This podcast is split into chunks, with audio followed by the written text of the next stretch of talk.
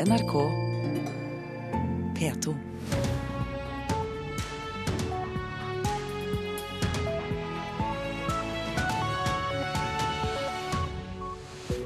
Hellas godtar de fleste av kravene som folket sa nei til sist søndag. Til gjengjeld ber landet om reduksjon av gjelden. Vi taper på å selge kjøtt, sier sjefen for bunnpriskjeden. Framtiden i våre hender vil ha forbud mot å selge med tap. I USA fjerner Sør-Carolina sørstatsflagget fra offisielle bygninger etter en lang og het debatt. Flere anmelder familievold. Antallet saker hos politiet øker og øker. Og vi skal møte en av de overlevende fra det største massedrapet i Europa siden andre verdenskrig, i Srebrenica 20 år etter. Dette er blant sakene her i Nyhetsmorgen i NRK, med Ugo Fermariello i studio. Den greske statsministeren Alex, Alexis Tsipras har lagt frem nye forslag til hvordan krisen mellom EU og Hellas kan løses. Grekerne aksepterer de fleste av kravene fra långiverne, de samme kravene som de sa nei til under folkeavstemningen sist søndag. Og som en motytelse vil de ha deler av gjelden slettet, og de ønsker nye lån.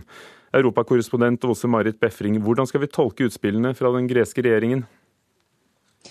Ja, Dette forslaget ser ut til å komme kreditorene langt på vei i møte. Eh, han har ifølge de lekkasjene som har eh, kommet ut, da, eh, fremsatt krav om eller sagt da i reformene at de vil øke pensjonsalderen, med unntak for de med ekstra belastende jobb og mødre med utviklingshemmede barn. Han vil øke momsen på øyene, unntatt eh, de som ligger veldig isolert til. Og han vil høyne momsen på restauranter, også noe som han var eh, imot forrige, ved forrige korsvei.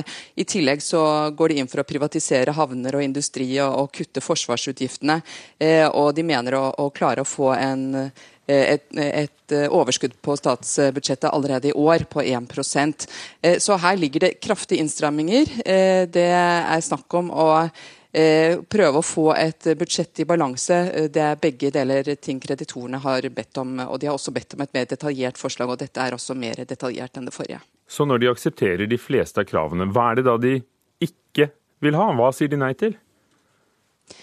Det er litt uklart, for det er faktisk ikke kommet frem med hva de ikke vil ha ennå. Men det er klart at dette her er jo bare et utgangspunkt for eh, en eh, altså det, Ut fra dette forslaget så skal de da finne ut uh, om det blir forhandlinger.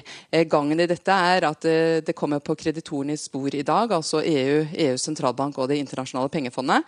Og så vil de se på om dette er godt nok og ikke setter euroen i fare og sånne ting. og i morgen så kommer finansministrene i eurosonen sammen. Eh, da skal de eh, begynne gå igjennom dette, begynne å se på dette for å vurdere om det er godt nok til å forhandle om. Og Så kommer stats- og regjeringssjefene i hele EU sammen på søndag. Eh, og Da skal de også godta det finansministrene kommer frem til på lørdag. Kan det bli vanskelig å akseptere for långiverne? Eh, det er selvfølgelig altfor tidlig å si, men utfordringen er jo hvis det ikke er bærekraftig. Da blir det jo eh, ikke akseptert. Og de har jo sagt at de skal ha detaljerte forslag på bordet. Eh, og de må også se helheten i det. Det er greit å komme med et forslag om kutt i pensjoner, men hvis det ikke balanseres, så vil det ikke bli godkjent. Men de vil nok strekke seg langt nå, fordi at de ønsker jo å beholde Hellas i eurosonen. Og selv om man har sett et stemningsskifte i noen land, også i Tyskland, vil det jo være et nederlag for euroen om Hellas går ut. Og hvis jeg kan spørre deg, Du var jo akkurat i Hellas. Det har vært en dramatisk uke. Finansministeren gikk av. Folkeavstemningen sa nei til mange av disse forslagene. Og nå, nå godtar da statsministeren det, eh, mange av forslagene likevel. Hvordan vil dette påvirke situasjonen i Hellas og den politiske stemningen i forhold til statsministeren?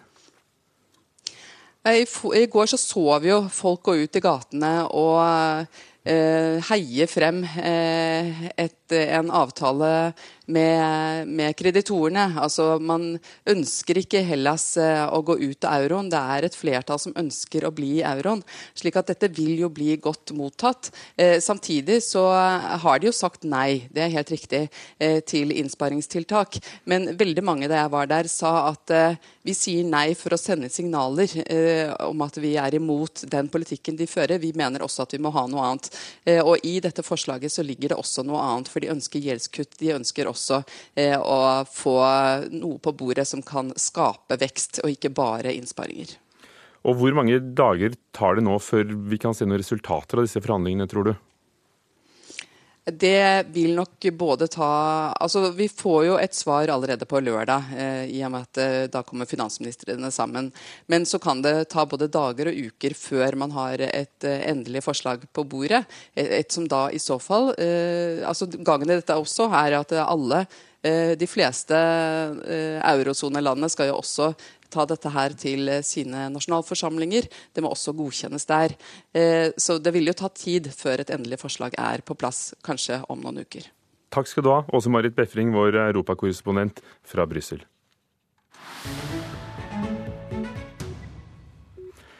Det skal handle om eh, økonomi i Norge og dagligvarehandelen. Vi taper på salg av kjøtt, men gjør det for å få kundene inn i butikken.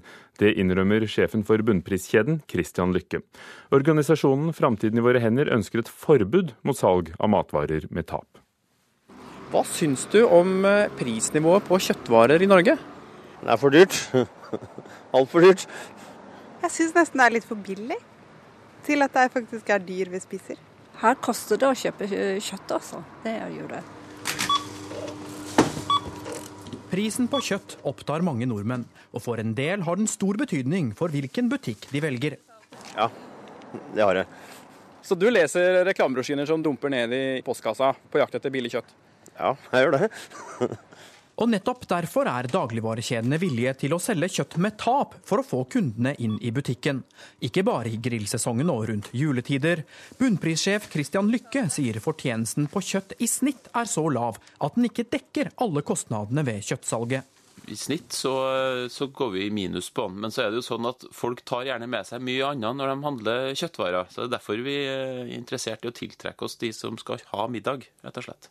Men noe særlig glad i praksisen er han ikke. Vi ville helst solgt ribba litt dyrere. Eh, ikke bare med tanke på å tjene penger, men også det å ha litt respekt for den maten vi spiser. Men det er ikke så enkelt å bryte ut av det. For det, den første som gjør det, vil, eh, vil tape på det.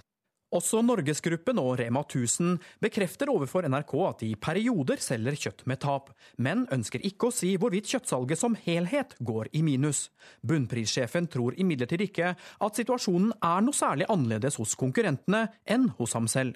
De her prisene er nesten offentlige skal jeg si, på, på kjøtt, for det er jo et resultat av jordbruksforhandlingene. det. Så alle har den samme utfordringa. Det er ikke sånn at det her er bare noe som gjelder bunnpris. Tvert imot, det her gjelder alle som driver med dagligvarer i Norge.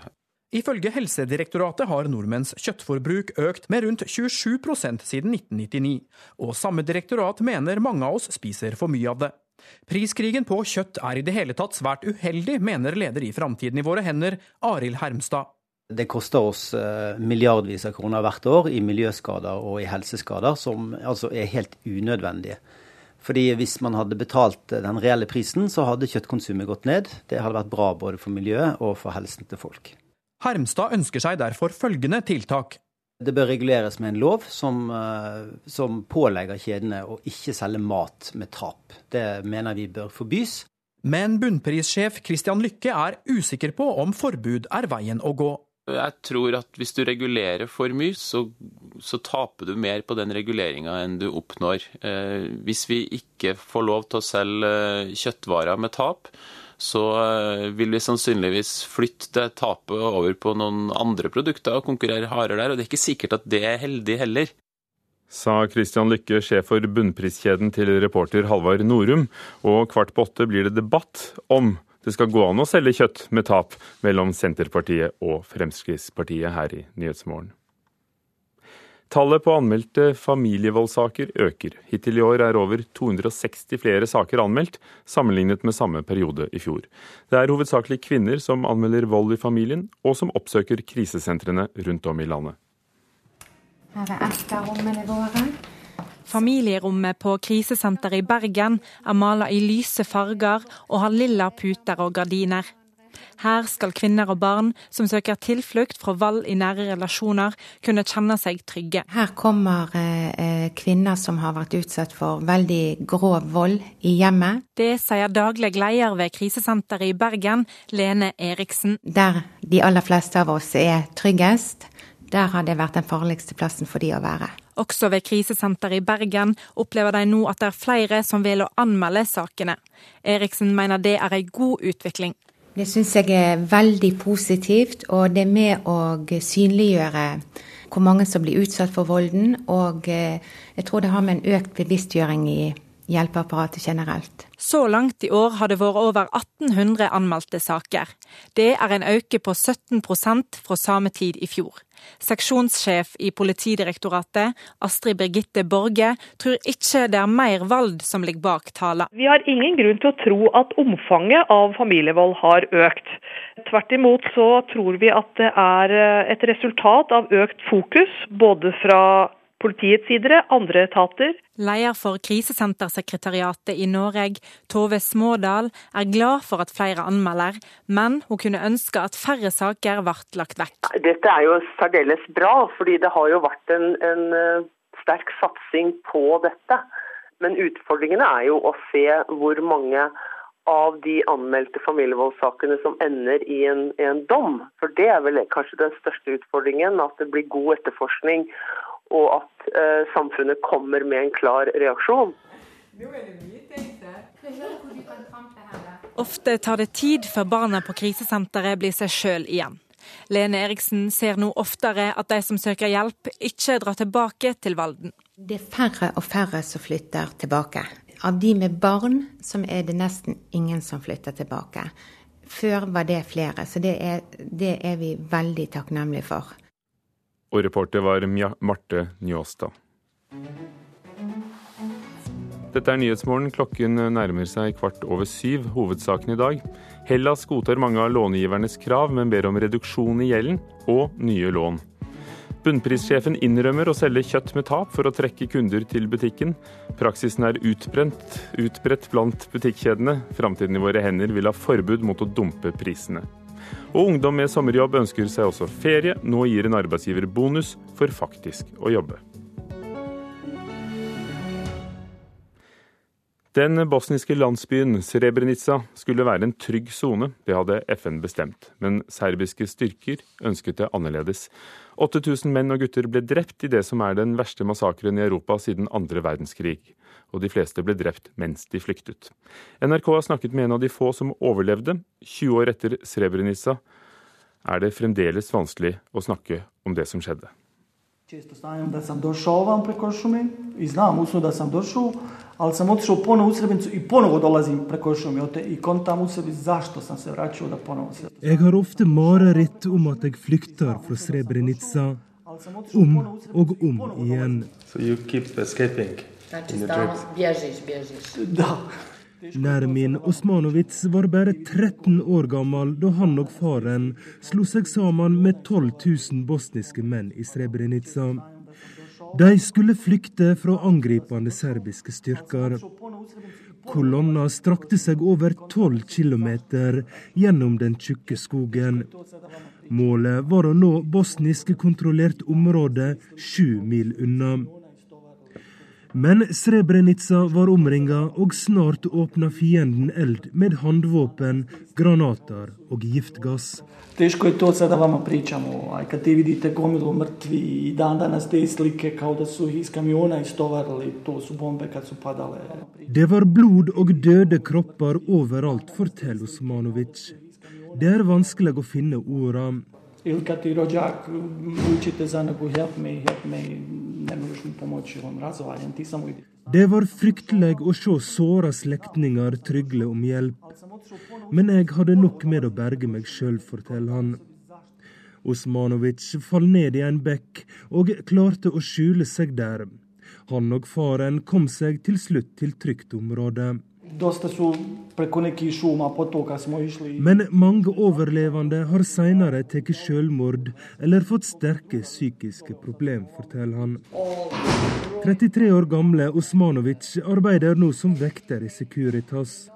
Jobben er å passe på den norske ambassaden i Sarajevo. I dag skal han besøke kirkegården i Srebrenica for å minnes døde slektninger og venner. Arkitektene bak udåden, Radovan Karadzic og general Ratko Mladic, sitter nå bak lås og slå i Haag. Over 8000 gutter og menn ble avretta. Mange måtte først grave sin egen grav. På spørsmål om de skyldige nå er stilt til ansvar, svarer Osmanovic at det var for mange drapsmenn. Skugger med finlandshette og kalasjnikov, som ingen veit hvem var, og som trolig aldri vil få straff. Og reporter Roger Severin Bruland er i Sarajevo.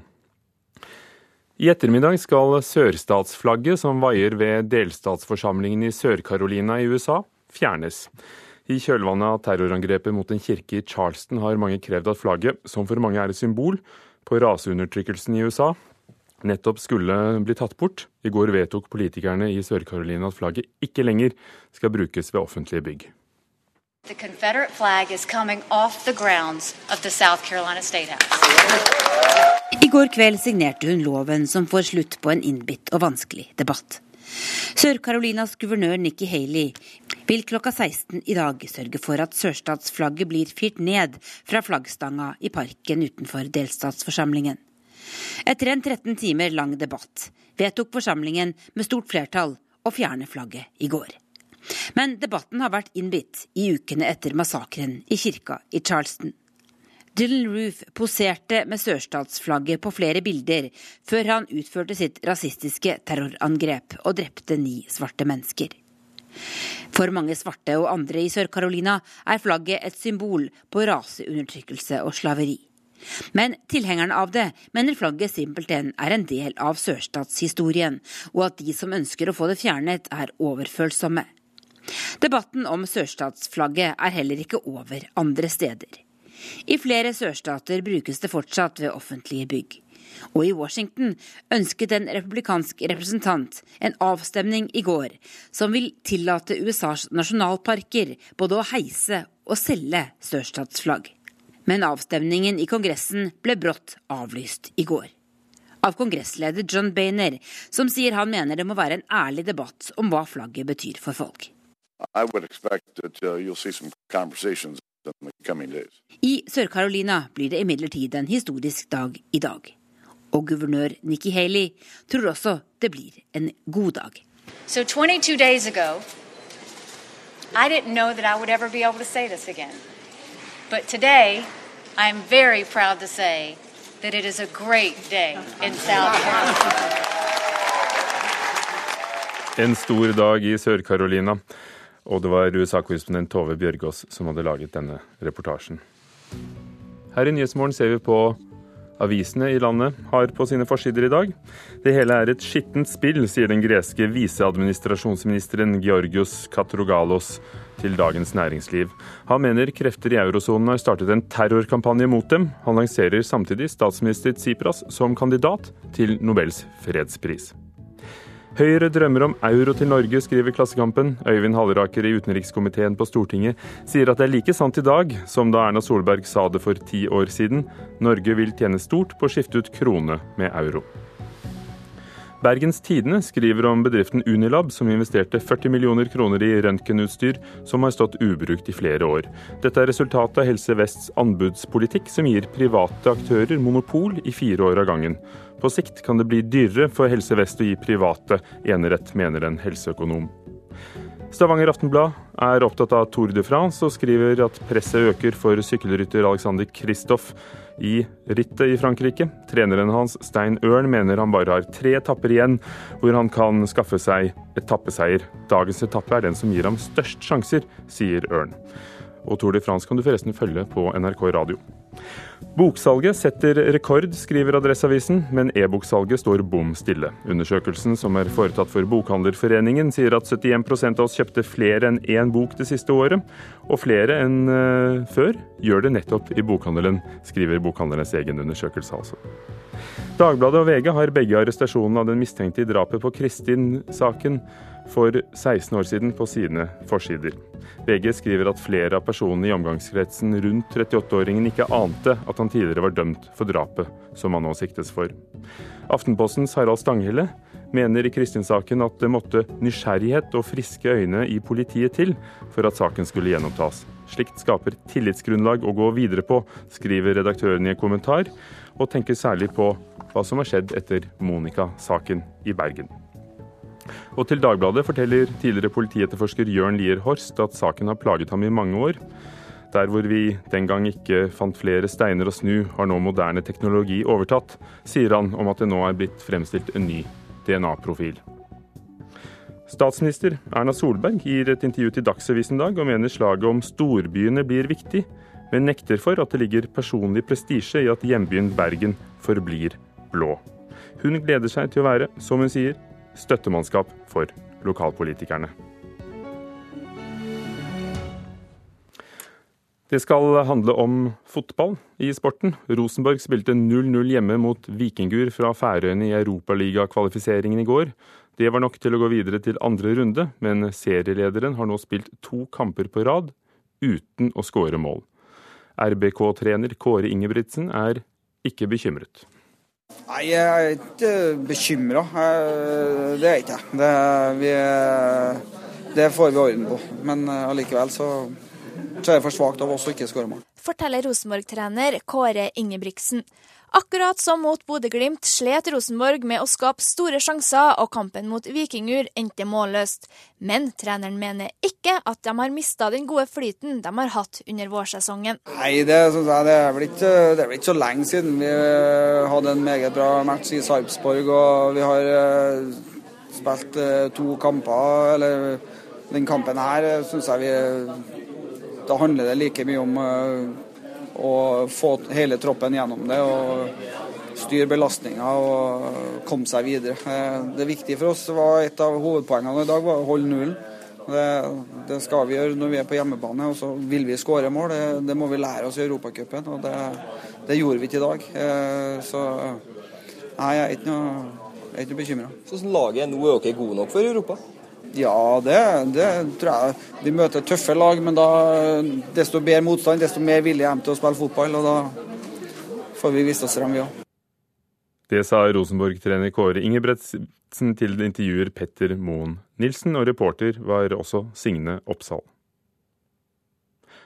Omsetningen til eh, de store solariebedriftene i Norge har økt eh, mye den siste tiden. Mangelen på solskinn har fått mange til å ty til nettopp solarium, mener Ronny Ratt Pedersen, leder i Norsk Solarieforening. Samtidig advarer Statens strålevern mot de kunstige UV-strålene.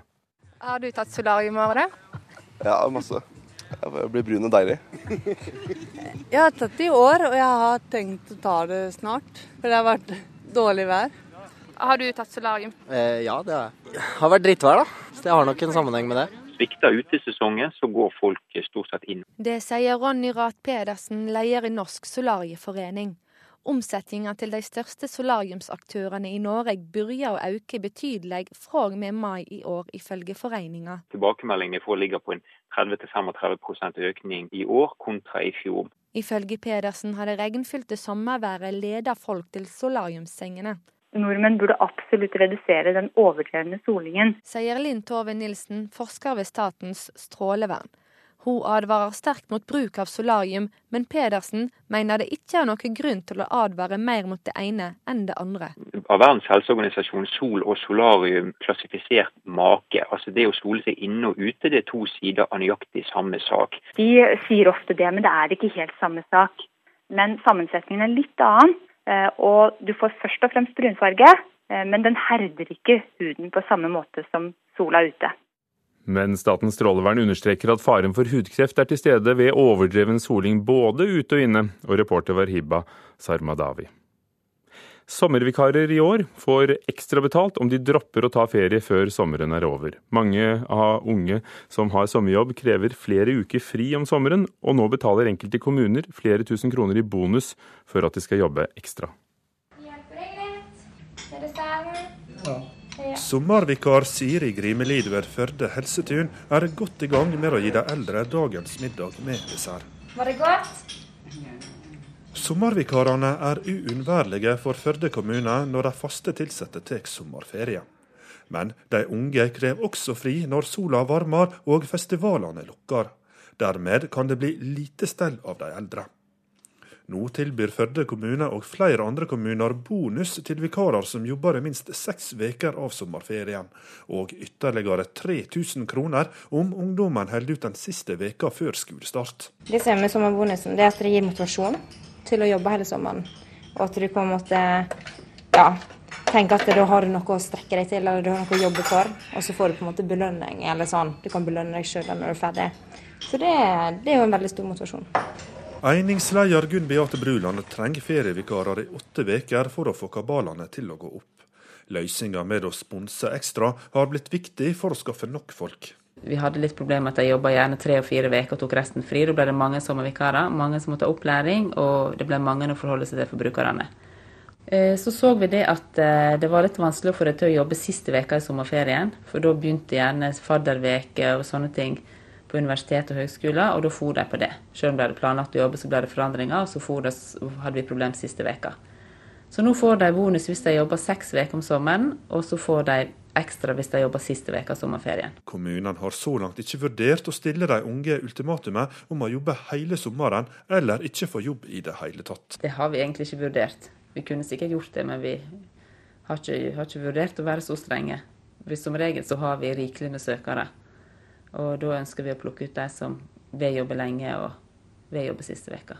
Men det er ikke enkelt å stå i jobb når lærestedene lokker med fadderveker og spennende aktiviteter i midten av august. Amalie Bruland har tenkt å jobbe hele denne sommeren, men til neste år er planen å rekke fadderveka når hun starter å studere. Det er jo viktig for en fadderveke tenker jeg, når du skal begynne å studere, for det er jo da du kommer inn i, inn i liksom, miljøet og blir kjent med folk og sånn. Så at det heller er at det er aktuelt å ikke jobbe neste år, men i år er det, er det i hvert fall greit å jobbe siste veka. Og reporter var Asgeir Heimdal Reksnes. Her i Nyhetsmorgen etter Dagsnytt skal vi møte en israelsk maratonløper som jobber for å heve blokaden for folk på Gazastripen.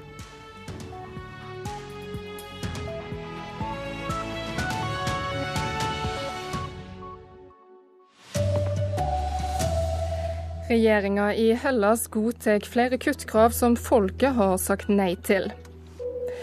Butikker dumper prisen på kjøtt for å lokke til seg kunder. Lite sol ute får mange til å sole seg inne. Solarium tjener på dårlig sommervær. Her er NRK Dagsnytt klokka 7.30.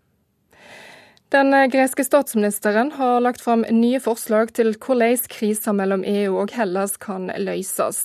Grekerne aksepterer de fleste av kravene fra långiverne, de samme kravene som de sa nei til under folkerøystinga søndag. Til gjengjeld vil de ha deler av gjelda sletta, og de vil ha nye lån. Europakorrespondent Åse Marit Befring har sett på det nye forslaget. Ja, dette forslaget ser ut til å komme kreditorene langt på vei i møte. Eh, så her ligger det kraftige innstramminger. Eh, det er snakk om å eh, prøve å få et budsjett i balanse. Det er begge deler ting kreditorene har bedt om. Og de har også bedt om et mer detaljert forslag, og dette er også mer detaljert enn det forrige. Ut fra dette forslaget så skal de da finne ut eh, om det blir forhandlinger. Eh, gangen i dette er at eh, det kommer på kreditorenes spor i dag, altså EU, EUs sentralbank og Det internasjonale pengefondet. Og så vil de se på om eh, eh, dette er godt nok og ikke setter euroen i fare og sånne ting. Eh, og i morgen så kommer finansministrene i eurosonen sammen. da skal de begynne gå igjennom dette, begynne å se på dette for å vurdere om det er er godt nok til å forhandle om. Og Så kommer stats- og regjeringssjefene i hele EU sammen på søndag. Eh, og Da skal de også godta det finansministrene kommer frem til på lørdag. Kan det bli vanskelig å akseptere for eh, långiverne? Eh, det er selvfølgelig altfor tidlig å si, men utfordringen er jo hvis det ikke er bærekraftig. Da blir det jo eh, ikke akseptert. Og de har jo sagt at de skal ha detaljerte forslag på bordet. Eh, og de må også se helheten i det.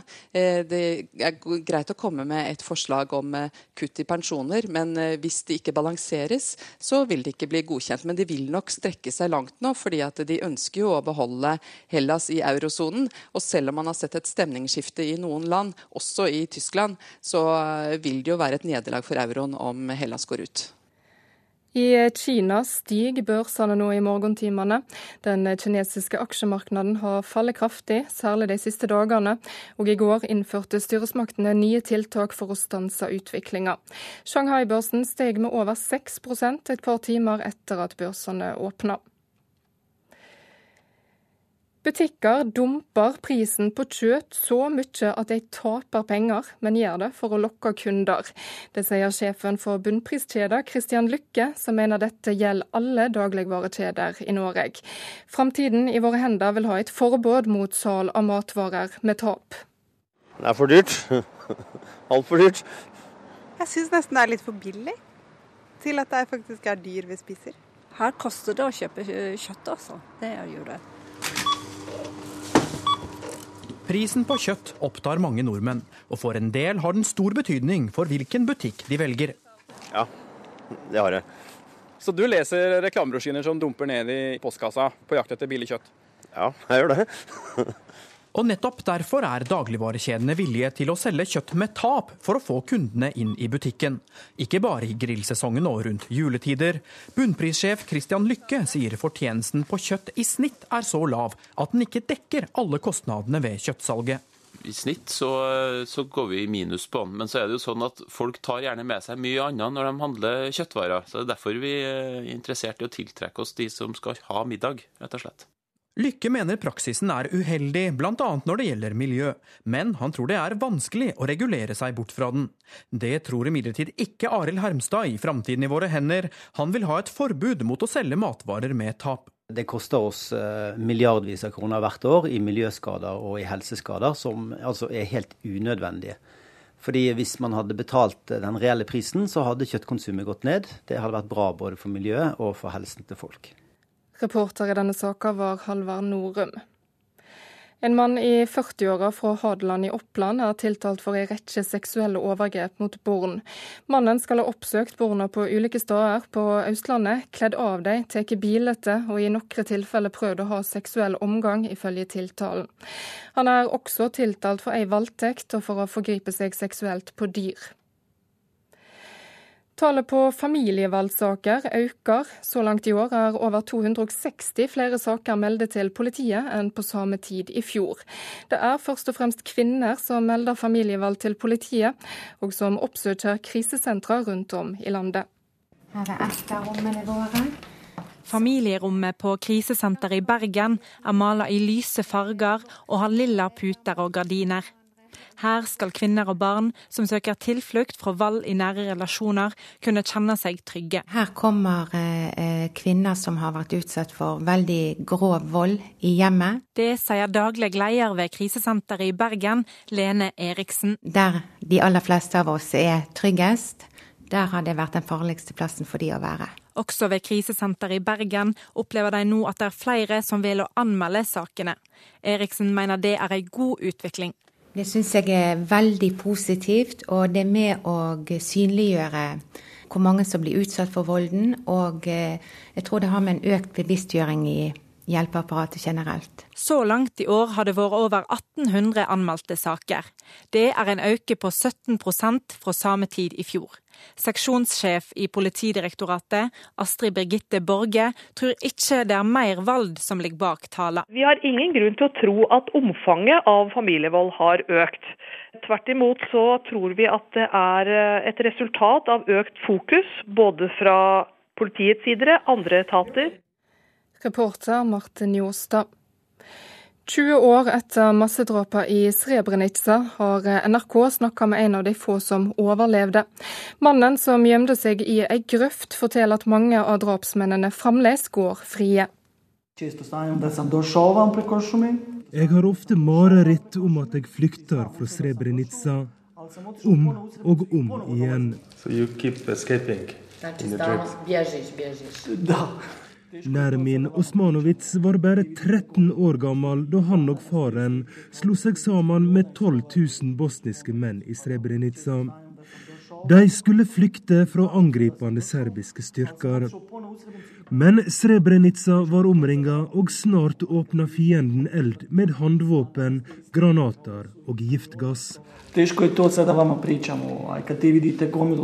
Det var blod og døde kropper overalt, forteller Osmanovic. Det var fryktelig å se såra slektninger trygle om hjelp. Men jeg hadde nok med å berge meg sjøl, forteller han. Osmanovic falt ned i en bekk og klarte å skjule seg der. Han og faren kom seg til slutt til trygt område. Over 8000 gutter og menn ble avretta. Mange måtte først grave sin egen grav. På spørsmål om de skyldige nå er stille til ansvar, svarer Osmanovic at det var for mange drapsmenn. Skugger med finlandshette og kalasjnikov, som ingen veit hvem var, og som truleg aldri vil få straff. Roger Severin Bruland rapporterte fra Sarajevo. Solarium melder om økt omsetnad. Mangelen på sol ute har fått mange til å sole seg inne, mener Ronny Ratt Pedersen, som er leder i Norsk Solarieforening. Samtidig advarer Statens strålevern sterkt mot de kunstige UV-strålene. Har du tatt solarium over det? Ja, masse. Jeg blir brun og deilig. jeg har tatt det i år, og jeg har tenkt å ta det snart. Det har vært drittvær, da. Det har nok en sammenheng med det. Svikter utesesongen, så går folk stort sett inn. Det sier Ronny Rath Pedersen, leder i Norsk Solarieforening. Omsetninga til de største solariumsaktørene i Norge begynner å øke betydelig fra og med mai i år, ifølge foreninga. Tilbakemeldingene får ligger på en 30-35 økning i år kontra i fjor. Ifølge Pedersen har det regnfylte sommerværet ledet folk til solariumssengene. Nordmenn burde absolutt redusere den overdrevne solingen. Sier Linn Tove Nilsen, forsker ved Statens strålevern. Hun advarer sterkt mot bruk av solarium, men Pedersen mener det ikke er noen grunn til å advare mer mot det ene enn det andre. Av Verdens helseorganisasjon sol og solarium klassifisert make. Altså det å sole seg inne og ute, det er to sider av nøyaktig samme sak. De sier ofte det, men det er ikke helt samme sak. Men sammensetningen er litt annen. Eh, og du får først og fremst brunfarge, eh, men den herder ikke huden på samme måte som sola ute. Reporter Hibba Samadawi. Ansvarlig for eh, Dagsnytt denne morgenen, Silje Katrine Bjarkøy. Teknisk ansvarlig, Hanne Lunås. I studio, Eli Bjelland. Og her i Nyhetsmorgen i NRK fortsetter vi i Midtøsten. Ett år etter den siste Gaza-krigen er fremdeles rundt 100 000 palestinere hjemløse, og gjenoppbyggingen tar tid. I Israel arbeider organisasjonen Giza for å fjerne stengslene for dem som bor og jobber på Gazastripen. Grunnleggeren av Giza, Sara Basi, er maratonløper og kjenner nettopp verdien av å kunne bevege seg fritt. Yeah, I really crave freedom of movement, the pure bliss of moving your body through space and just going jeg elsker å løpe. Det fineste i livet mitt er å kunne bevege meg hvor jeg vil. Um, Derfor føler jeg for folk som er fanget inne, sier den israelske juristen Sari Bashi. Hun er 39 år, veier 48 kilo og er den eneste kvinnen i Israel som løper ultramaraton. Ikke vanlig maraton, men ultramaraton og hun ser en klar parallell mellom et maratonløp og det å kjempe for mer bevegelsesfrihet for palestinerne i Gaza. Um, for meg er det mange paralleller mellom den kind of um, physical and mental strength you need to run, let's say, a 216 kilometer race, which is my longest race. 216? Um, yeah. Oh my god. Yeah, 33 That's... hours it took me. 33 hours? Yeah. Oh det lengste jeg har løpt, er 216 km. Det tok 33 timer, sier hun. Gleden over å bevege seg raskt er en viktig drivkraft når Sari Bashi jobber for at folk i Gaza også skal kunne få bevege seg mer. For ti år siden stiftet hun organisasjonen Gisha, juridisk senter for bevegelsesfrihet. I dag har Gisha 22 ansatte, som er advokater, akademikere og menneskerettighetseksperter. Ved å bruke både israelsk og internasjonal lov er Gisha en vaktbikkje som passer på at palestinerne får de rettighetene de har krav på, også under blokaden. Israelere har begynt å innse at blokaden ikke bare handler om sikkerhet. Som når studenter ikke får reise ut av Gaza for å studere, eller når idrettsutøvere ikke får delta på internasjonale mesterskap. Også sikkerhetsmiljøet i Israel mener at det å presse Gaza for hardt bare fører til at Hamas får mer støtte, sier Bashi. Gisha stiller spørsmål og følger opp saker og tar dem til retten. Hvorfor er bare 53 av de 1000 mobile hjemmene Oman har sendt, kommet inn? Hva med resten? Og nå har Gisha nettopp bedt om at familier i Gaza får besøke sine slektninger på Vestbredden under ramadan, og viser til loven om religionsfrihet. Organisasjonen er premissleverandør for internasjonal og israelsk presse, og refereres ofte til. People in Israel are either turning a blind eye, they don't want to see the occupation, they don't want to know what's happening, or they're justifying it. Um, and they're not asking um, tough questions about whether this is an appropriate way to treat another people. Israelere flest vet veldig lite om hva som skjer inne i Gaza. Enten er de ikke interessert, eller de støtter blokaden. For å skape forståelse må vi finne saker som israelere kan identifisere seg med. Som å be om at en dataingeniør får reise ut for å delta på et Microsoft-treff. You know, look how great the world would be um, if this uh, computer Microsoft competition in the West Bank, and maybe then she could, you know, Palestine in in an international competition and come Gaza and create a software company. For den israelske maratonkvinnen var det viktig å få utreisetillatelser for 46 løpere som ville delta i Betlehem Maraton i vår. Først sa myndighetene nei, men etter flere runder fikk atletene løpe i Betlehem på Vestbredden likevel. En stor seier, ikke minst fordi tidligere OL-deltaker Nader al-Masri fra Gaza vant maratonløpet i Jesu fødeby. Og reporter var Sissel Wold, som hadde truffet eh, grunnleggeren av organisasjonen som arbeider for å fjerne Gaza-blokaden. Klokken er eh, snart kvart på åtte. Du hører på Nyhetsmorgen i NRK.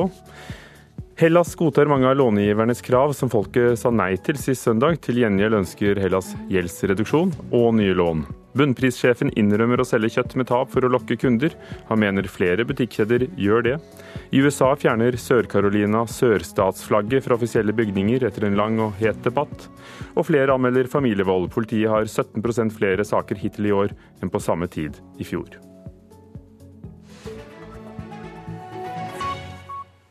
Som vi har hørt i nyhetene i morges, vi taper penger på å selge kjøtt, men gjør det for å få kundene inn i butikken. Det er eh, sjefen for bunnpriskjeden Christian Lykke som innrømmer dette, og han sier at han tror det gjelder alle dagligvarekjedene i Norge. Lykke mener praksisen har flere uheldige sider, men tror det er vanskelig å unngå så lenge kjøttprisen er så viktig for hvilken butikk kunden velger. Jeg ser ingen vei ut av det. Eh, og Grunnen til det er at eh, jeg tror at hvis du begynner å skal korrigere det her ved reguleringa, så skaper du en, en, masse ekstra virkninger som du ikke har tenkt på, og som du så også må korrigere bort. Dette det her er en, en, ulempe ved markedet som, som, er til stede akkurat nå. Det er ikke sikkert at den er her om noen år, men, men altså det, hvis man skal ha en markedsøkonomi med fri prisdannelse, så vil sånne utslag som det her komme fra, fra tid til annen. Oskar Grimstad, klima- og miljøpolitisk talsperson for eh, Fremskrittspartiet. Ser du noen uheldige sider ved at eh, butikkene nærmest subsidierer kjøttet for kunden? Nei, faktisk så gjør ikke det. Jeg syns at folk gjerne må få rimelig og godt norsk kjøtt billig. Rett og slett fordi at alternativet er å dumpe det i utlandet. Og da syns jeg at forbrukerne som har vært med på gjennom som skattebetalere og og subsidiert bonden, subsidiert videreforedlinga, eh, slik at begge disse får sin betaling. Og at da bunnpris velger å eh, dele ut dette kjøttet med, med såkalt tap, det syns jeg er et valg som bunnpris sjøl må gjøre. Hva mener du med såkalt tap, for de sier jo at de taper penger på det? Jo, jeg, forstår at de, de, de, taper på det, men til sjuende og sist så får de kunden inn, og da tjener de penger på det totalt sett. Så dette er en vanlig lokkevare som eh, denne bransjen bruker, og som jeg syns det er helt greit at folk får. Heidi Greni, stortingsrepresentant for Senterpartiet, du sitter i kommunal- og forvaltningskomiteen. Hva synes du om at kjøtt er lokkevare og selges med tap? Jeg syns ikke det er greit i hele tatt eh, at matvarer, en så viktig vare, brukes som lokkevare og selges med tap, syns jeg ikke er greit.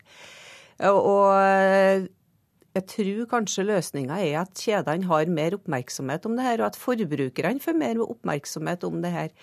For eh, kjedene klarer å løse mange utfordringer hvis de blir enige om det. For en del år siden så har vi det her for, nei, tre for to-problematikken. Kjedene så at det her fører til mer matkasting, at det var et stort miljøutfordring. De tok et grep sammen, og nå er alle de her tre for to-tilbudene borte, fordi at det var et veldig lite gunstig eh, opplegg sånn miljømessig. Så jeg mener absolutt at det her må det gjøres noe med, for det er, det er noe som er galt når du selger ribba til 1990 og kjøper til dyrefôr. Det ødelegger statusen til maten, og eh, det er ikke bra at matvarer blir solgt med tap. Støtter du altså Fremtiden i våre henders forslag om et forbud mot salg av matvarer med tap? Jeg er ikke sikker på at et forbud er, er, veien vi skal gå, i hvert fall ikke i første omgang. Men hvis vi ikke klarer å få bukt med det her over tid, så er det i hvert fall noe vi er nødt til å diskutere. Men jeg tror at eh, forbrukerbevissthet vil gjøre at eh, kjedene òg kanskje blir nødt til å ta dette her på alvor, og at de er nødt til å bli enige om at eh, matvarer som lokkevarer på den måten er ikke greit. Og det er ikke sånn at forbrukeren vil få ei dyrere handlekørg fordi om du setter opp prisen på kjøtt. For nettopp, det er det lykke, lykke må jo de, de, vil ikke få ei dyrere handlekørg, for Lykke må jo ta inn det her på andre varer. Så det vil jo da bli men, men, andre lokkevarer som blir billigere for det til sjuende og sist. Det Men de betaler det, det, på andre varer. Ville det ikke vært redeligere også, også rent næringspolitisk sett da, at uh, hver vare hadde den kalkylen den fortjener? At, at, vi betaler det kjøttet koster, og så koster potetgull det det koster? Jo, I utgangspunktet så kan du godt si det sånn, men samtidig så er det sånn også at det er variabelt behov for, for folk. Og, og, folk flest er opplyst. De forstår at det, det, det er mange ting som ikke er, det er sunt å ta for mye av. Det være seg salt, det være seg sukker, det være seg smør. Og for en markedsliberalist så må jo det være et uheldig signal signal da, dersom prisene ikke viser det varen egentlig koster? Det spiller mindre rolle. Så lenge som bunnpris eh, til sjuende og sist sitter igjen med en god profitt på det de driver med, så må de gjerne etter min oppfatning eh, levere ut eh, rimelig og billig kjøtt til, til folket. For folket vet sjøl at det, dette her er varer som er gode, som er sunn, og på, på alle måter forbruker innenfor et visst volum. Og det, det, er ikke slik at det, det, norske folk trenger å bli, bli, bli opplært igjen om hva de, hva de skal ete. Jeg ser at når Senterpartiet begynner å gjøre seg disse tankene her, så ønsker de å gå inn og styre folk i detalj. Og jeg spør meg sjøl, hvor langt skal vi gå i å styre et opplyst folk når det gjelder matvanene deres? Jeg syns det er nesten hinsidig det fornuftige når Senterpartiet begynner her å snakke om ja, kanskje ikke forbud, men her skal vi iallfall eh, legge til rette slik at, det, at folk må styres når det gjelder matvanene. Det er meningsløst. Altså I en verden der det er for lite mat, så er det helt forkastelig mener jeg, at vi selger ribba til 1990. Det er et eh, produksjonsintensivt eh, produkt. Det krever eh, Det har et stort miljøavtrykk, og så skal vi selge det med tap. Og det er ikke noe krise om kjøttet blir litt dyrere her i landet. Det vil bety at andre lokkevarer, butikkene da vel andre lokkevarer som ikke er matvarer, vil bli billigere. Men, men hvis butikkene meg, begynner å, å, samarbeide om at kjøttet ikke må selges med tap, selv om det ikke er noen regler for det, blir ikke det et ulovlig prissamarbeid? Hvis de begynner å ha felles pris på alle kjøttvarer, så blir det selvfølgelig det. Men det var jo ingen som klaga på at det var et ulovlig prissamarbeid når alle kjedene ble enige om å slutte med tre for to-tilbudet. Så, så det, det, er en problemstilling som jeg tror er relativt Men skal vi ha noe prispoliti som går inn i butikkene og ser på produkter og ser på kjøtt og ser på disse tingene, slik at det, eh, vi skal styres i detalj? Så, vi lever i et opplyst samfunn, og vi, det kan ikke være slik at eh, vi, vi, vi skal ha et, et såkalt rettferdspoliti som skal gå inn i butikkene og vurdere hver enkelt vare. Er dette solgt med, med profitt, er dette solgt med tap, er det slik, er det sånn? Det, det går bare ikke an i en opplyst verden å ha det sånn. Heidi Greni, du har ordet. Problemet er at vi kaster altfor mye mat i Norge. Og dess billigere maten er, dess mer mat vil bli kasta. Jeg mener det er et stort problem med den matkastinga vi har i Norge, og vi som politikere vi har en plikt på oss til å legge til rette for at det blir kasta mye mindre mat. Det er ikke noe krise om kjøttet blir litt dyrere i Norge. Det er heller ikke noe krise om vi spiser litt mindre kjøtt i Norge, og at produsenten sitte igjen med litt mer per produsert kilo og produsere noen få kilo mindre. For- Det vil være bra for folkehelsa, det vil være bra for miljøet. Kort replikk. Jeg er enig i det at det, vi, vi, å kaste mat er ikke bra, men poenget er det at det, der handler det om at vi merker maten slik at maten kan spises, selv om datomerka er utgått. Og da handler det om opplysning Og til der setter jeg strek, selv om jeg ser at dere begge ønsker å snakke mer. Takk. Oskar Grimstad fra Fremskrittspartiet og Heidi Greni fra Senterpartiet.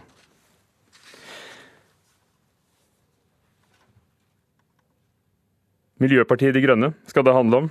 De kan få flere representanter i Oslo, men ordførerkandidaten deres vil fortsatt ikke si hvem de vil samarbeide med etter valget.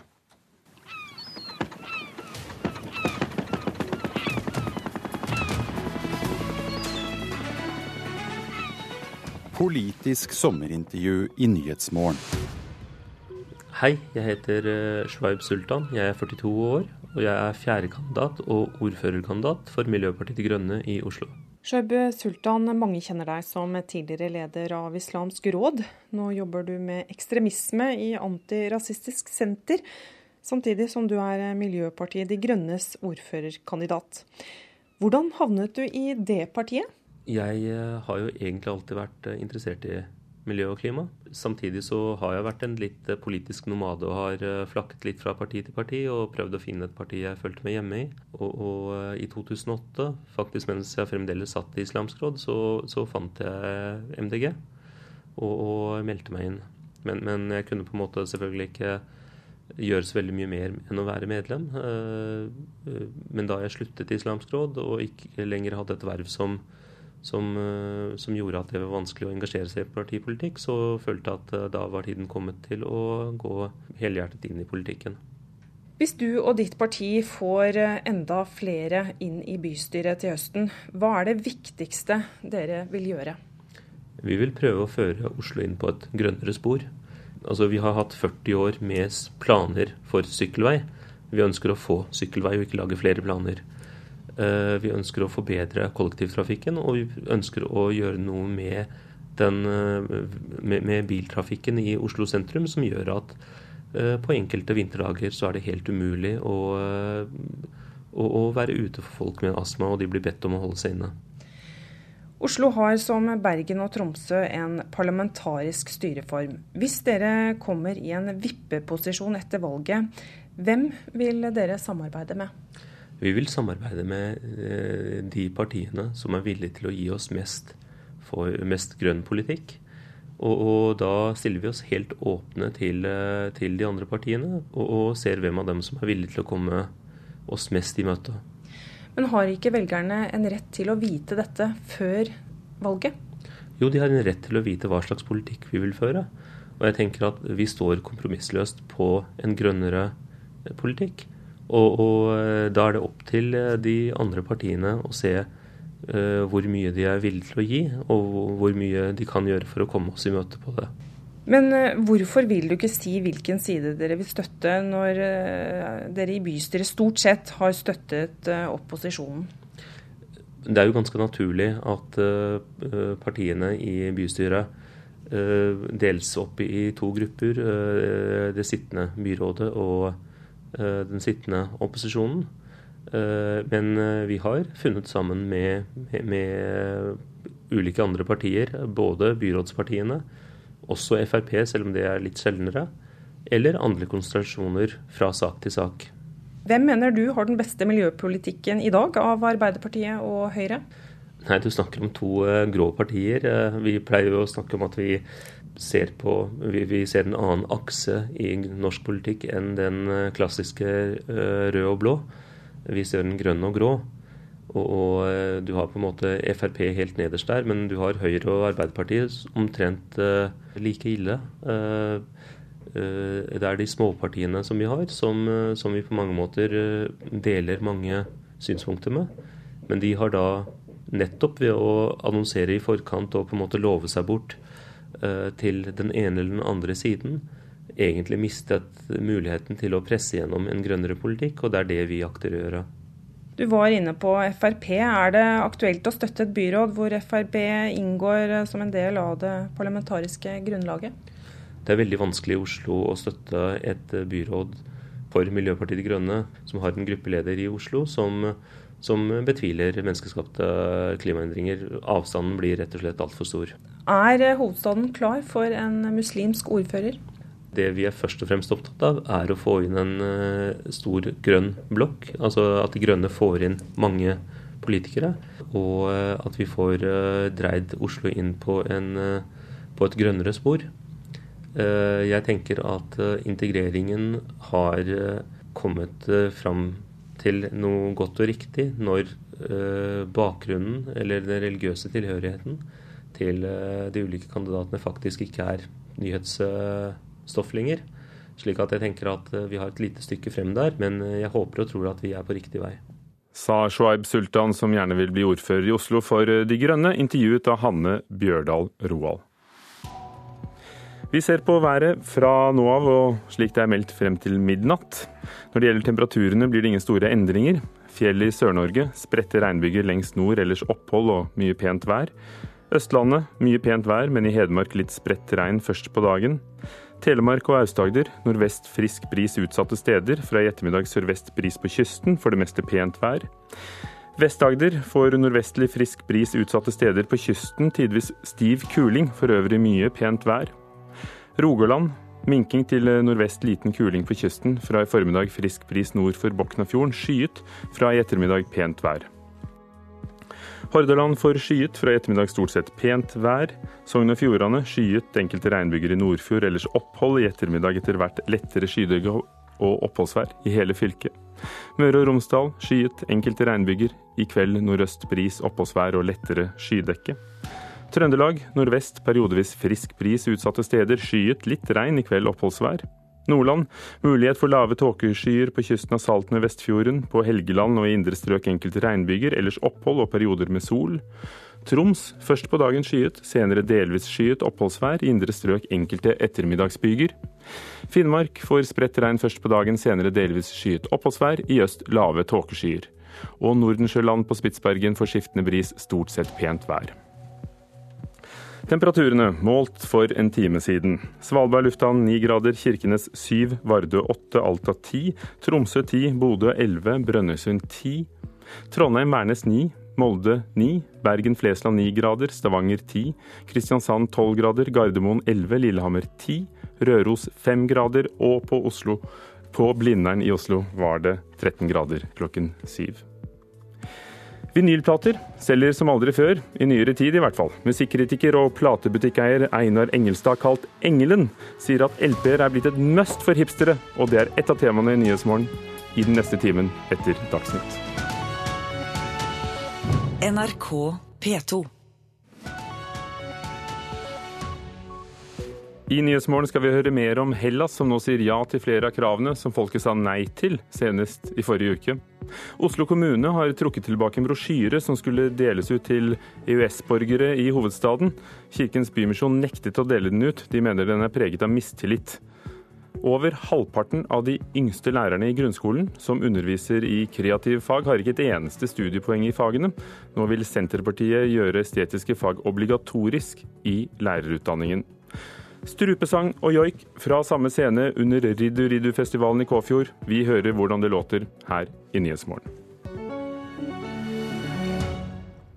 Hellas har gitt etter for mange krav fra EU som grekerne tidligere har sagt nei til. Det kommer frem i forslaget til en ny låneavtale som Hellas sendte kreditorene i går kveld. I dag skal det greske parlamentet behandle det nye forslaget, og det er ventet at regjeringen vil få en fullmakt til å bruke det som et grunnlag for disse forhandlingene. Håpet er at dette vil få EU og Det internasjonale pengefondet til å si ja til å gi Hellas nye kriselån. Pensjonsalderen skal økes til 67 år innen 2022. Selskapsskatten økes til 28% som er nivået Det internasjonale pengefondet har bedt om. Skattefordelene på de greske øyene fjernes. Dette skal være noen av kravene grekerne har gått med på, ifølge flere internasjonale nyhetsbyråer. Nå håper den greske regjeringen at dette vil være nok til å blidgjøre kreditorene. De neste dagene skal toppene i EU og Det internasjonale pengefondet vurdere forslaget fra Hellas. Sa reporter Kristine Næss Larsen. Kirkens Bymisjon ble i forrige uke bedt om å dele ut en brosjyre til EØS-borgere i Oslo som nettopp er kommet til hovedstaden. I brosjyren opplyser kommunen om en rekke forbud, bl.a. at det ikke er lov å bære våpen, selge ulovlige stoffer, få barn til å tjene penger for seg eller å gjøre fra seg på gaten. Kirkens Bymisjon nektet å dele ut brosjyren. Nå trekker Oslo kommune tilbake skrivet. Først måtte vi gå en runde og finne ut er dette fake. Er det noen som har tulla med oss, rett og slett? For vi syntes det var vanskelig å ta det helt seriøst. Men så fant vi ut at jo, dette kommer fra Oslo kommune. Det er helt klart. Kai Rune Myhrer reagerte med vantro da han mottok et infoskriv fra Oslo kommune. Han er rådgiver i Kirkens Bymisjon, som ble bedt om å dele ut en brosjyre til EØS-borgere som nylig har kommet til Oslo. Weapons may not be owned or worn without a valid permit. Og så står det um, It's not allowed to urinate or defecate outdoors in any populated area in Oslo. Hvor, hvilke byer er det det er lov å um, gjøre fra seg utendørs, sånn i all offentlighet? det står det altså her. Det er ikke lov. Eh, det handler om uh, fattige tilreisende fra Europa, og det handler om romfolk, tror vi. Etter at Kirkens Bymisjon reagerte og kontaktet NRK, ble det klart at Oslo kommune trekker brosjyren tilbake. Ifølge byrådssekretær for helse og sosiale tjenester, Thea Kristine Skjerven, har den også blitt sendt til byens Nav-kontorer og flere frivillige organisasjoner. Dermed kan brosjyren ha blitt delt ut allerede, men foreløpig er det bare Kirkens Bymisjon som har gitt kommunen tilbakemelding. Jeg er ikke kjent med at det har kommet uh, andre reaksjoner, men jeg har full forståelse for at Bymisjonen reagerer på denne brosjyren, og det er derfor uh, vi har valgt at uh, denne brosjyren trekkes. Skjerven er enig i at enkelte av punktene i brosjyren er unødvendige, og at den ikke er regnet til formålet, nemlig å gi informasjon til tilreisende EØS-borgere om deres plikter og rettigheter i Norge. Ja, Brosjyren mangler f.eks. noe informasjon om hvilke, blant annet hvilke rettigheter eh, de har. F.eks. at man faktisk har rett til akutt helsehjelp. Det har alle som befinner seg i, i Norge eh, krav på, og det er selvfølgelig gratis. I brosjyren står det at man må betale for alle helsetjenester man benytter seg av i Oslo. Likevel mener Skjerven at det ikke er feilaktig informasjon som gjør at brosjyren nå trekkes tilbake. Det er nødvendigvis ikke feilaktig informasjon, men man eh, kan nok se at noen av eh, punktene er eh, noe moraliserende og også helt unødvendig i en slik brosjyre. Kai Rune Myhrer i Kirkens Bymisjon derimot mener at hele brosjyren er preget av mistillit og rettet mot en gruppe utenlandske borgere som er uønsket av kommunen. Budskapet her er egentlig at vi ønsker egentlig ikke å ha det her. Og hvis du likevel er her, så skal du i hvert fall vite at uh, sånn er reglene her. Dette vitner om mistillit. Og det tror jeg ingen er tjent med, verken vi som lever og bor her, og i hvert fall ikke de som kommer. Og reporter var Ida Skogvold. Over halvparten av unge lærere som underviser i estetiske fag, som kunst, håndverk og musikk, i grunnskolen, har ingen faglig kompetanse i faget. Det viser tall fra Statistisk sentralbyrå og SSB.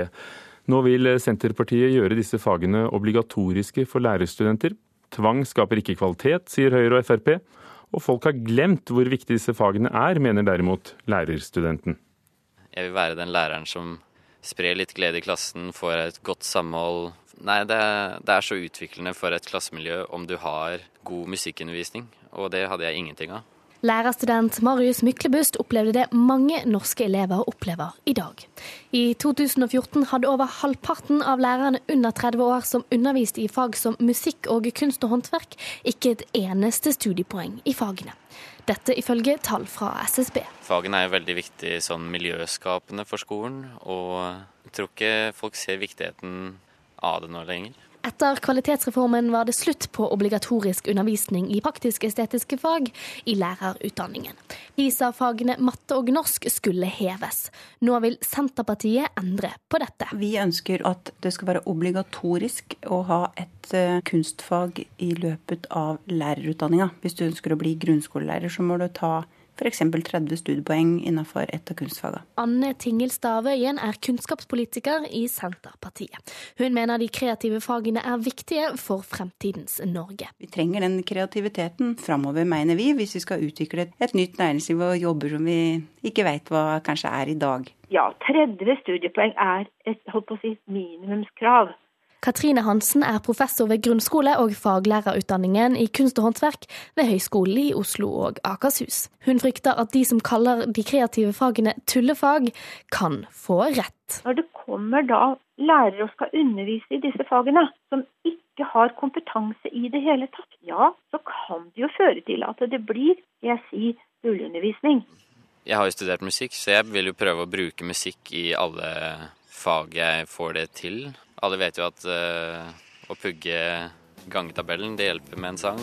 3, 6, 9, 12, 15, 18, 21, 24, 27 Å lære tregangen på denne måten er ikke uvanlig i skolen.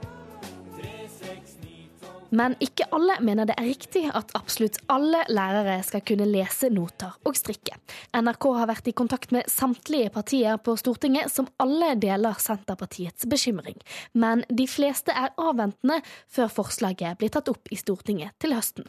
Med unntak av Høyre og Frp, som gir et klart nei. Det er kjempeviktig at vi rekrutterer nok lærere innenfor disse fagene, men jeg tror ikke du får de beste kunst- og kulturlærerne ved å tvinge folk til å bli det. Jeg tror man får det ved å rekruttere på positive måter. Henrik Asheim i Høyre vil finne andre måter å hindre at dette blir tullefag, nå som lærerutdanningen skal legges om. Det er ikke fag vi har for å ha det litt gøy mellom mattetimene. Tvert imot, det er like viktige fag. Men jeg er usikker på om vi nå skal spore av det lærerløftet som man har satt i gang, ved å si at også dette skal bli obligatorisk for alle lærere. Men Marius Myklebust tror at han vil bli en bedre lærer, nettopp fordi han har fordypet seg i et kreativt fag. Det tror jeg at jeg skal være så dristig å si ja til. Man tør jo å tenke litt utafor boka. Men eh, Kunnskapsdepartementet hadde ikke anledning til å kommentere denne saken. Reporter Marie Røsland. Agnes Moxnes, kulturkommentator her i NRK. Er det en god idé å innføre kunstneriske eller estetiske fag som obligatorisk del av lærerutdanningen? Det som har skjedd de siste årene, er jo at flere og flere og oftere og oftere blir det snakket om de estetiske eller kreative fagene som tullefag. Hørte du denne reportasjen her også? Og jeg tror ikke det er noe særlig tvil om at i skolens hierarki så er det sånn at matte og norsk de er på toppen. Eh, de humanistiske fagene er liksom sånn i mellomsjiktet, og helt på bånn, der er kunstfagene.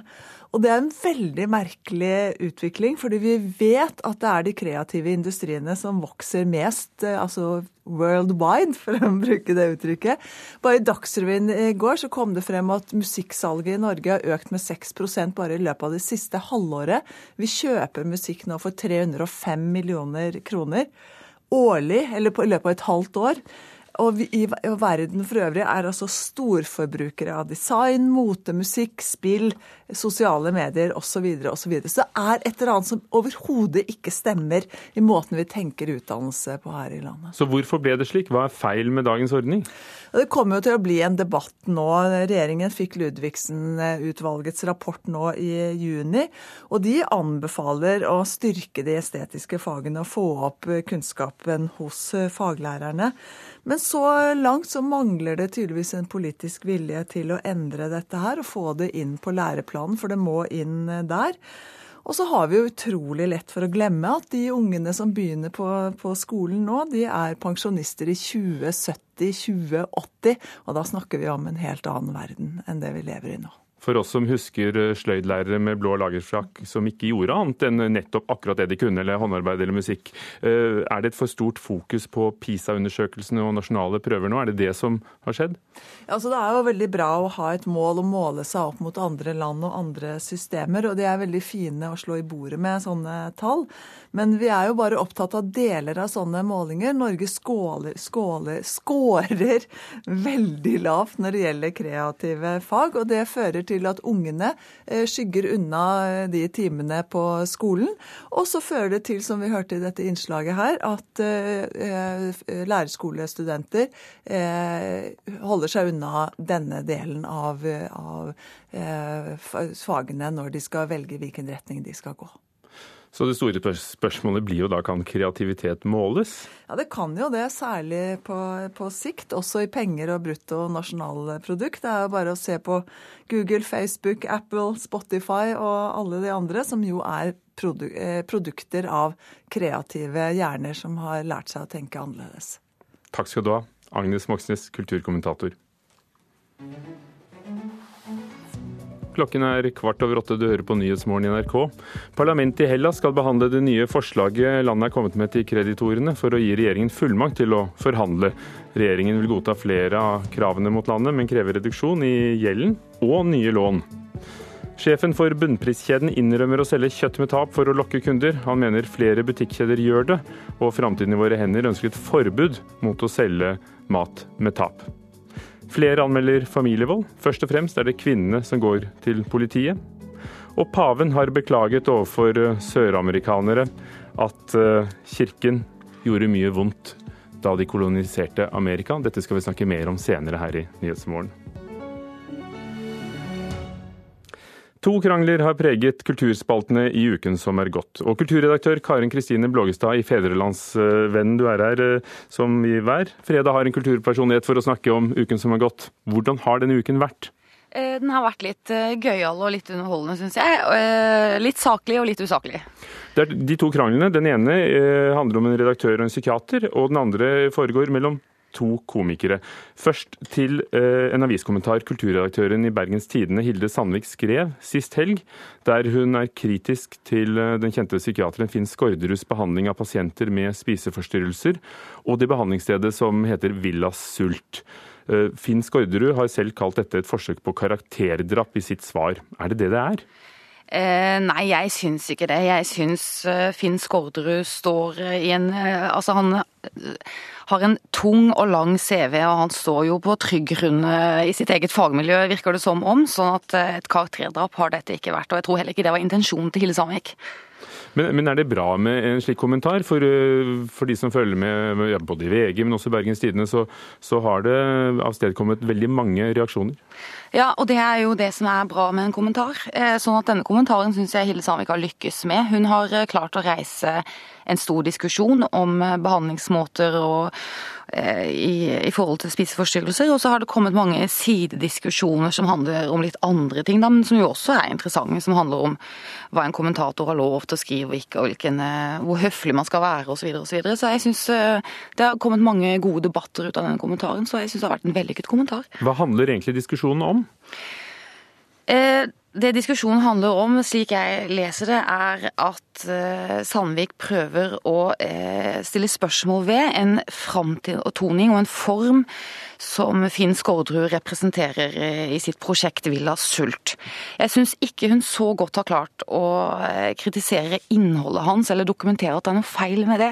Vi vet f.eks. ikke om Skårderud snakker med sine klienter på en annen måte enn andre terapeuter gjør, eller om han har en annen agenda i forhold til dem. Vi vet ikke så veldig godt hva slags resultater han kan vise til osv. Så, videre, og så, så det handler ikke så veldig mye om innholdet i hans eh, virke, men det handler noe om formen og framtoningen. Og alt dette, denne kulturen og denne kunsten og, disse kjendisene på hans klientliste osv. som kan være eh, som kan låse kanskje klienter fast i en klientrolle de ønsker å være i, for de ønsker å være i denne sfæren og som også kan virke ekskluderende på mange med tunge spiseforstyrrelser. Nå er det mange i fagmiljø som da har støttet Skårderud i spaltene. Ehm, hva forteller det? Er, det? er det forskjell på hva de utenfra og de innenfra synes? Ja, Sånn er det jo ofte. Fagmiljøet slår jo ofte ring rundt sine egne. og Vi hadde jo en interessant diskusjon om psykiatri, litt mer utvidet eh, i forbindelse med rettssaken rundt Breivik. Da var det jo rettspsykiatrien som var under lupen.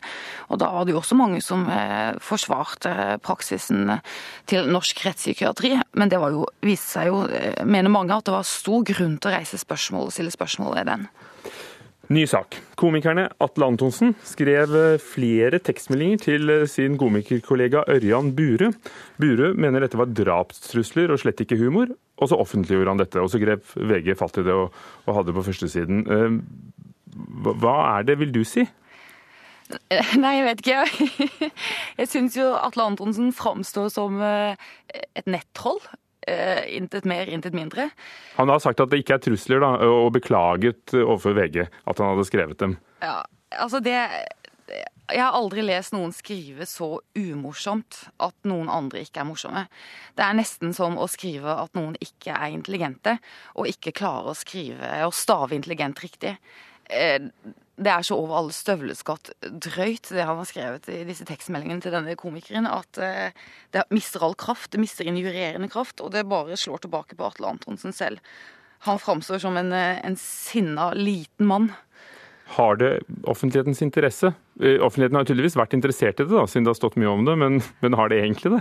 Ja, det syns jeg det har. Det er jo, altså Underholdningsindustrien i Norge er jo en industri vi forholder oss til alle som konsumenter. Og de er jo premissleverandører i mange ulike debatter og mange sfærer, så jeg syns jo det har offentlig interesse hvordan de har det seg imellom, og hva slags kultur de har i den sektoren. Du kan jo tenke deg f.eks. hvis eh, en eller annen stjerne i et eller annet toppsjikt på et eller annet annet felt. Hvis f.eks. Petter Northug hadde skrevet sånne tekstmeldinger til en eller annen stakkars kar eh, fra distriktet som prøvde å komme inn på landslaget. Det er eh, offentlig interessant. Han, Petter Northug hadde fått mye omtale. Når vi tenker på de to ordskiftene vi har diskutert, er det en røffere tone mellom folk i spaltene? Ja, det tenker jeg jo kanskje at det er, men jeg syns ikke de to sakene har så veldig mye med hverandre å gjøre. Men det er jo andre debatter også som har gått i sosiale medier denne uken, som, som er eh, skarpe, tunge, harde med karakteristikker av personer. Eh, så det er nok en litt sånn tøffere tone. Så jeg tenker jo litt at den der eh, sosiale medier-måten har smittet litt ut altså bredd litt om seg. Men det er jo veldig mange profesjonelle kommentatorer og profesjonelle mediesynsere og profesjonelle eksperter som slåss. Sånn at eh, det er ikke så lett å få øye på noen åpenbare ofre. Takk skal du ha, Karen Kristine Blågestad, som selv er en av disse profesjonelle eh, kulturredaktørene i Fedrelandsvennen. Takk for at du var med i Nyhetsmorgen. I går kveld kunne man høre strupesang og joik fra samme scene under Riddu Riddu-festivalen i Kåfjord. Det handlet om årets bestillingsverk til urfolksfestivalen, fremført av musikere fra Sápmi og Russland.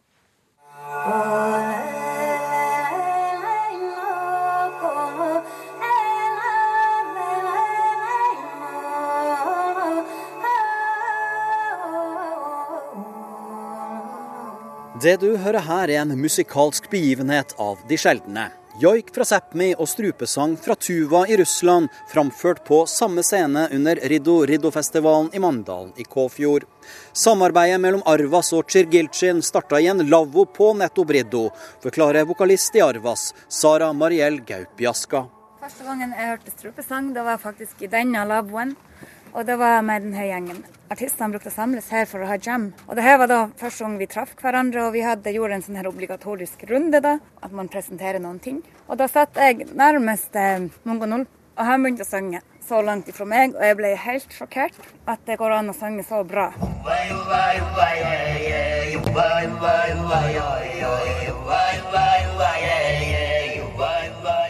Tsjergiltsjen tilhører tuva-folket helt øst i Russland, et eh, folkeslag spesielt kjent for sin strupesang. Ifølge Igor Korskemdej går strupesang og joik spesielt godt i hop pga. den like måten å leve på. Ну, потому что у нас республика Тува, э, есть тоже вот э, Folk fra Tuva og samene har mange fellestrekk, forklarer Igor. F.eks. er både samer og tuvaer reindriftsutøvere. Måten vi lever på påvirker folkesangene våre, forteller Igor.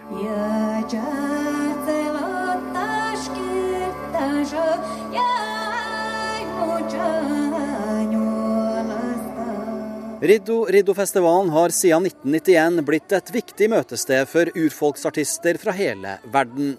Mange unike samarbeid har blitt unnfanga nettopp her. Slik har det også vært for Sara Mariell Gaup-Jaska. For meg har det jo hatt en enormt stor betydning. For jeg har jo vært involvert i denne, eh, som heter da, eh, Arctic Youth Camp, som senere ble Indigenous Youth Gathering. Og der har vi jo hatt mange helt utrolige fine opplevelser med akkurat det her med å krysse um, både landegrenser og alt, alle grenser som finnes, uh, musikalsk. Og jeg var jo veldig ung da når vi begynte med det, Arctic Youth Gathering. Og jeg har lært kjempemasse om det. Både det, også det her med å tørre å stå på scenen, og også det å tørre å improvisere på scenen. Og også gjøre ting som man egentlig ikke er komfortabel i. Jeg tror egentlig det har forma meg veldig mye som artist.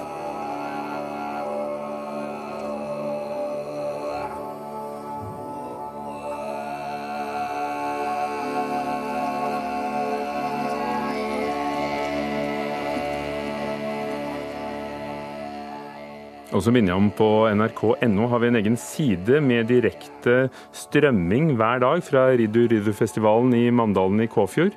Og reporter for radioen der er Rune Norgård Andreassen. Han hadde vært på åpningskonserten i går kveld.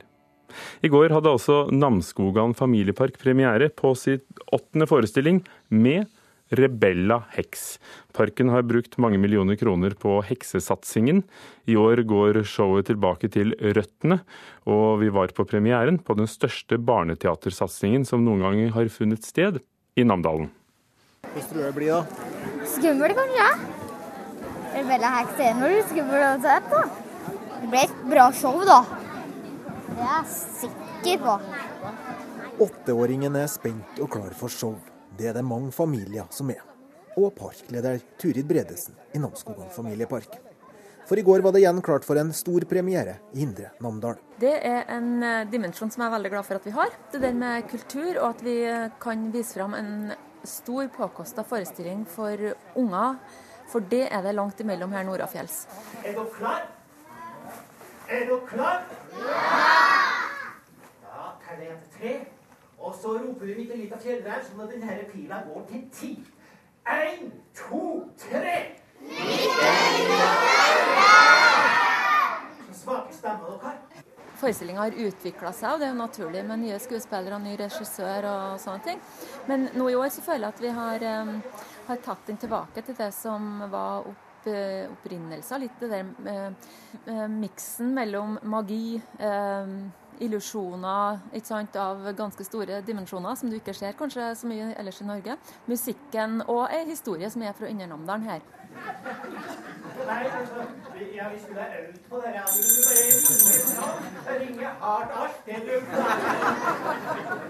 Tormod Aune er mannen bak Rebella Hex. Han har stått på scenen, skrevet, jobba og grubla på dette konseptet i åtte år nå. Vi har jo over eh, en del år nå testa ut uh, ulike ting. Så i denne forestillinga så har vi jo prøvd å samle uh, det, det, beste, på en måte, altså, som, som, vi har lært underveis.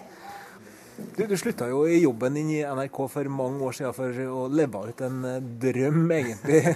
Hvorfor gjorde du det? Nei, det var, det var, guttedrøm, egentlig. Det var guttedrømmen. Eh, det å Altså, jeg har jo trylla siden jeg var åtte-ni år. Har laga musikk, spilt i band. Eh, og så vært glad i teater. Så jeg har lyst til å samle det her i én sak. Det er ei forrykende forestilling med latter, spenning og stor underholdningsverdi for alle som blir vist i år. Vi lar åtteåringen være anmelder, og så kan lytteren legge merke til applausen. Hva du synes om showet, da? Superbra. For det var så kult show. Jeg syns det var veldig ja. Og Maggen og Kult. Nettopp ferdig med premieren og trappelapp og masse, masse folk. Og mye, mye eh, arbeid for å komme hit.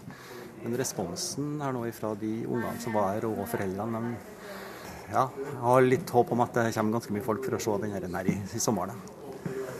Da skal vi levere. Det sa Tormod Aune, som står bak Rebella Heks, og reporter i Namsskogan familiepark i går var Kjartan Trana. De nasjonale turistveiene har økt antall turister som besøker eh, distriktene. Det viser tall fra Statens vegvesen. Spesielt Atlanterhavsveien og turistveiene på Helgeland har opplevd en stor økning. Førstnevnte eh, hadde 64 prosentpoeng flere biler, mens sistnevnte hadde 52% flere. Her i Nyhetsmorgen skal vi i den neste halvtimen høre at salget av vinyl øker. Det er ikke et stort fenomen, men det blir stadig større år, fra år til år, selv om folk ikke kjøper CD-er. I morgen er det 20 år siden Srebrenica-massakren, det største folkemordet i Europa etter annen verdenskrig. Rundt 8000 muslimer ble drept av bosniske serbere, bl.a. under spesialstyrken som Ratko Mladic hadde kommandoen over. Dette er også tema i Nyhetsmorgen etter Dagsnytt.